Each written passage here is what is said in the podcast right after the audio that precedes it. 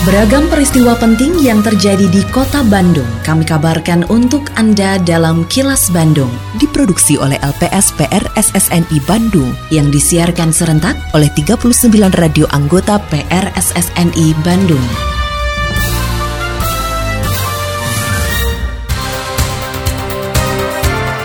Sejumlah informasi aktual kami hadirkan untuk Anda dan inilah informasi utamanya.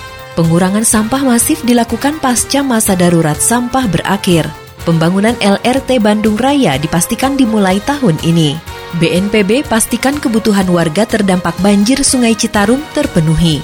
Saya, Santika Sari Sumantri, inilah kilas Bandung selengkapnya.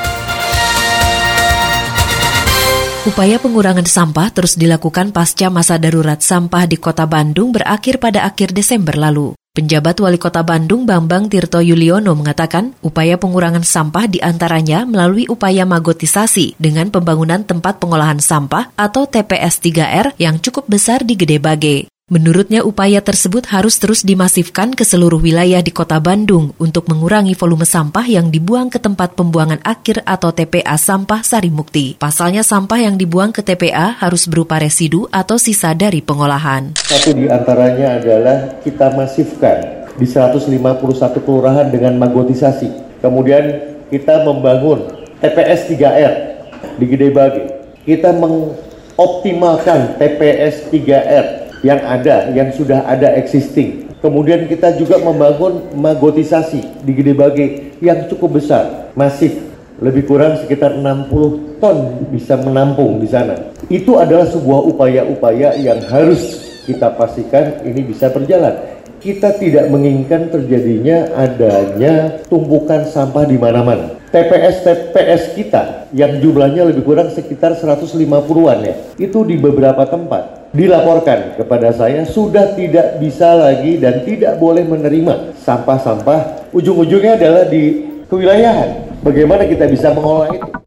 Balai Besar Wilayah Sungai atau BBWS Citarum bersama masyarakat serta pemerintah Kota Bandung terus melakukan pembersihan terhadap sisa-sisa banjir luapan Sungai Cikapundung yang terjadi pada Kamis pekan kemarin. Kepala BBWS Citarum Bastari mengatakan pembersihan dilakukan agar masyarakat yang berada di daerah terdampak bisa beraktivitas kembali seperti sebelumnya. Bencana banjir di Braga terjadi pada Kamis 11 Januari 2024 silam akibat jebolnya tanggul Sungai Cikapundung. Sebanyak 600 rumah dan sekitar 857 jiwa atau 400 kepala keluarga yang tinggal di kawasan tersebut terdampak musibah banjir. Kita dalam tahap pembersihan ya pasca bencana banjir. Jadi memang Sungai Cikapundung ini kan pada hari Kamis ya memang debitnya tinggi dengan 135 mm dalam 7 jam sehingga timbul debit sungai yang besar ya curah hujan tersebut.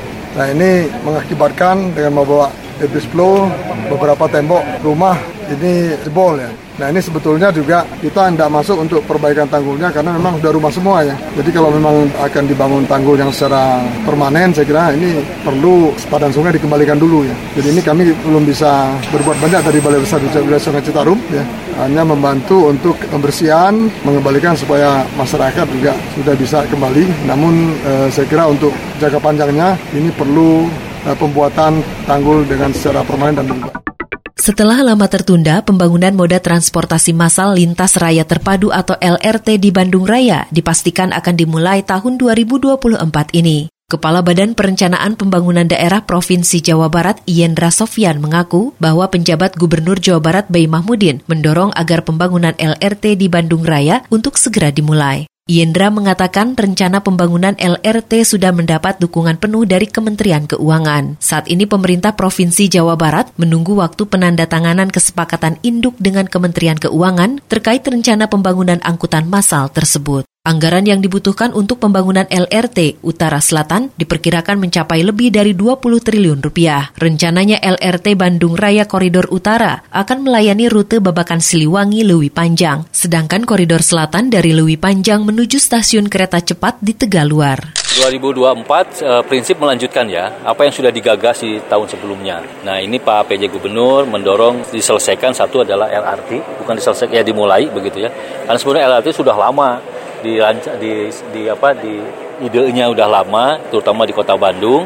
kemudian akhirnya e, secara bertahap kita mendapatkan dukungan dari Kementerian Keuangan melalui Project Development Facility ya e, PDF begitu ya untuk menyusun e, apa FS, DED dan segala macamnya. Tetapi diharapkan tahun 2024 sudah mulai dilakukan perencanaan yang lebih matang lagi begitu ya. Kini audio podcast siaran Kilas Bandung dan berbagai informasi menarik lainnya bisa Anda akses di laman kilasbandungnews.com.